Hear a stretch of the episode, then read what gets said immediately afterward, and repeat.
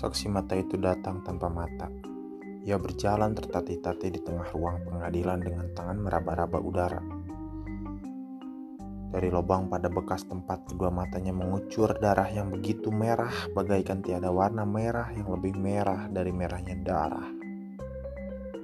Terus mengucur perlahan-lahan dan terus menerus dari lubang mata itu. Darah membasahi pipinya, membasahi bajunya, membasahi celananya, membasahi sepatunya dan mengalir perlahan-lahan di lantai ruang pengadilan yang sebetulnya sudah dipel bersih dengan karbol yang baunya bahkan masih tercium oleh para pengunjung yang kini menjadi gempar dan berteriak-teriak dengan emosi meluap-luap sementara para wartawan yang selalu menanggapi peristiwa dengan penuh gairah segera memotret saksi mata itu dari segala sudut sampai menungging-nungging sehingga lampu kilat yang berkedap membuat suasana makin panas. Terlalu wedan sadis. Bapak hakim yang mulia yang segera tersadar mengetuk-ngetukkan palunya dengan sisa wibawa yang masih ada, ia mencoba menenangkan keadaan. Tenang, saudara-saudara. Tenang. Siapa yang mengganggu jalannya pengadilan akan saya usir keluar ruangan. Syukurlah para hadirin bisa ditenangkan. Mereka juga ingin segera tahu apa yang sebenarnya telah terjadi. Saudara saksi mata. Saya, Pak. Di manakah mata saudara? Diambil orang pak. Diambil. Saya pak. Maksudnya dioperasi? Bukan pak. Diambil pakai sendok. Hah? Pakai sendok? Kenapa? Saya tidak tahu kenapa pak. Tapi katanya mau dibikin tengkleng. Dibikin tengkleng? Terlalu.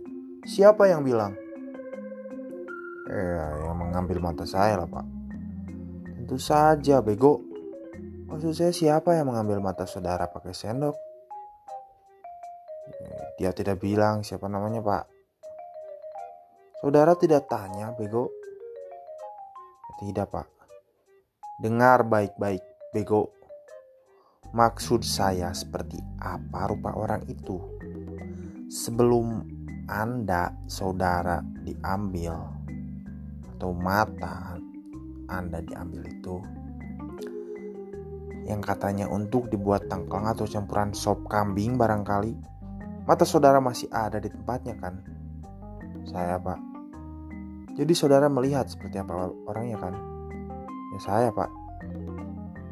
Coba ceritakan apa yang dilihat mata saudara yang sekarang sudah dimakan para penggemar tengkleng itu. Saksi mata itu diam sejenak Segenap pengunjung di ruangan pengadilan menahan napas. Uh, ada beberapa orang, Pak. Berapa? Lima, Pak. Seperti apa mereka? Saya tidak sempat meneliti, Pak. Habis mata saya keburu diambil sih. Masih ingat pakaiannya barangkali. Eh, hmm, yang jelas hmm, mereka berseragam, Pak. Ruang pengadilan jadi riuh kembali seperti dengungan seribu lebah. Hakim mengetuk-ngetukkan palunya, suara lebah menghilang. Seragam tentara maksudnya? Uh, bukan pak, polisi. Oh, hmm. bukan juga pak. Hansip barangkali. Hmm, itu loh pak, yang hitam-hitam seperti di film. Mukanya ditutupi. Oh iya pak, cuma kelihatan matanya. Hah? Oh saya tahu saya tahu, ninja kan? Nah itu ninja pak. Mereka itulah yang mengambil mata saya dengan sendok. Lagi-lagi hadirin ribut dan saling bergunjing seperti di warung kopi. Lagi-lagi Bapak Hakim yang mulia mesti mengetuk-ngetukkan palu supaya orang banyak itu menjadi tenang. Darah masih menetes-netes, perlahan-lahan tapi terus-menerus dari lubang hitam bekas mata saksi mata yang berdiri seperti patung di ruang pengadilan Darah mengalir di lantai ruang pengadilan yang sudah dipel dengan karbol. Darah mengalir memenuhi ruang pengadilan sampai luber melewati pintu menuruni tangga sampai ke halaman. Tapi orang-orang tidak melihatnya. Saudara saksi mata. Saya pak, ngomong-ngomong kenapa saudara diam saja ketika mata saudara diambil dengan sendok? Oh, mereka berlima pak Saudara kan bisa teriak-teriak atau melempar barang apa saja di dekat saudara. Atau ngapain kayak supaya tetangga mendengar dan menolong saudara. Rumah saudara kan di gang kumuh. Orang berbisik di sebelah rumah saja kedengaran. Tapi kenapa saudara diam saja? Habis terjadinya dalam mimpi sih pak. Orang-orang tertawa. Hakim mengetuk lagi dengan marah. Coba tenang sedikit. Ini ruang pengadilan, bukan Sri Mulat. Ruang pengadilan itu terasa sumpek. Orang-orang berkeringat, namun mereka tak mau beranjak. Darah di halaman mengalir sampai ke tempat parkir. Hakim meneruskan pertanyaannya. Saudara saksi mata, tadi Anda mengatakan terjadi di dalam mimpi. Apakah maksud saudara kejadiannya begini cepat seperti dalam mimpi? Bukan pak, bukan seperti mimpi, tapi memang terjadinya ya dalam mimpi. Itu sebabnya saya diam saja ketika mereka mau menyendok mata saya. Saudara serius, jangan main-main ya. Nanti saudara harus mengucapkannya di bawah sumpah. Sungguh mati saya serius pak Saya diam saja karena saya pikir toh terjadinya cuma dalam mimpi ini saya malah ketawa-ketawa waktu mereka bilang mau dibikin tangklang. Jadi menurut saudara saksi mata segenap, pengambilan mata itu hanya terjadi dalam mimpi. Bukan hanya menurut saya, Pak. Bukan. Memangnya terjadinya ya di dalam mimpi. Saudara kan bisa saja gila. Loh ini bisa dibuktikan saksi mata yang tahu kalau sepanjang malam saya cuma tidur pak. Banyak saksi matanya di sini. Selama tidur tidak ada orang mengganggu saya pak. Jadi terjadinya pasti di dalam mimpi ya. Saya pak. Tapi waktu terbangun mata saudara sudah tidak ada. Betul pak betul. Itu yang saya bingung pak. Itu kejadiannya di dalam mimpi tapi waktu bangun kok ternyata betul-betul ya. Hakim menggeleng-gelengkan kepala tidak bisa mengerti.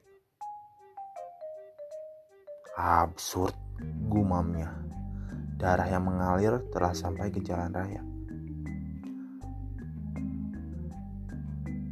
Apakah saksi mata yang sudah tidak punya mata lagi masih bisa bersaksi? Tentu masih bisa. Pikir Bapak Hakim yang mulia. Bukankah ingatannya tidak ikut terbawa oleh matanya? Saudara saksi mata. Saya pak. Apakah saudara masih bisa bersaksi? Saya siap pak. Itu sebabnya saya datang ke pengadilan ini lebih dulu ketimbang ke dokter mata pak. Saudara saksi mata masih ingat semua kejadian itu meskipun sudah tidak bermata lagi. Saya pak. Saudara masih ingat bagaimana pembantaian itu terjadi? Saya pak.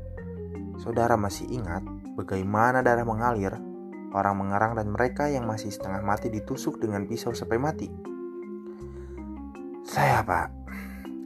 Ingatlah semua itu baik-baik, karena meskipun banyak saksi mata, tidak ada satupun yang bersedia menjadi saksi di pengadilan ini kecuali saudara.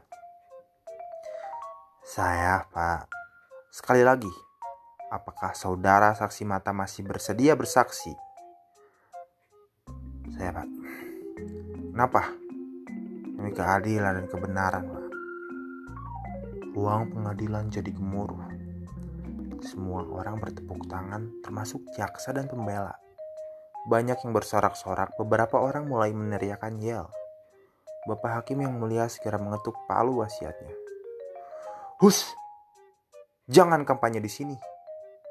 Ia berkata dengan tegas. Sidang hari ini ditunda dimulai lagi besok untuk mendengar kesaksian saudara saksi mata yang sudah tidak punya mata lagi. Dengan sisa semangat sekali lagi ia ketukan palu, namun palu itu patah. Orang-orang tertawa. Para wartawan yang terpaksa menulis berita kecil karena tidak kuasa menulis berita besar, cepat-cepat memotretnya. Bapak Hakim yang mulia diabadikan sedang memegang palu yang patah. Dalam perjalanan pulang, Bapak Hakim yang mulia berkata pada sopirnya, Bayangkanlah betapa seorang harus kehilangan kedua matanya demi keadilan dan kebenaran. Tidakkah aku sebagai hamba hukum mestinya berkorban yang lebih besar lagi?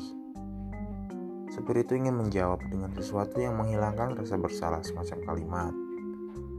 Keadilan tidak buta, namun Bapak Hakim yang mulia telah tertidur dengan dalam kemacetan jalan yang menjengkelkan. Darah masih mengalir perlahan-lahan tapi terus-menerus panjang jalan raya sampai kota itu banjir darah. Darah membasahi segenap pelosok kota bahkan merayapi gedung-gedung bertingkat sampai tiada lagi tempat yang tidak menjadi merah karena darah. Namun ajaib, tiada seorang pun melihatnya. Ketika hari sudah menjadi malam, saksi mata yang sudah tidak bermata itu berdoa sebelum tidur. Ia berdoa agar kehidupan yang fana ini baik-baik saja adanya, agar segala sesuatu berjalan dengan mulus dan semua orang bahagia. Pada waktu tidur lagi, lagi ia bermimpi. Lima orang berseragam, ninja mencabut lidahnya. Kali ini menggunakan catut. Jakarta 4 Maret 1992, Senogumi Raji Dharma.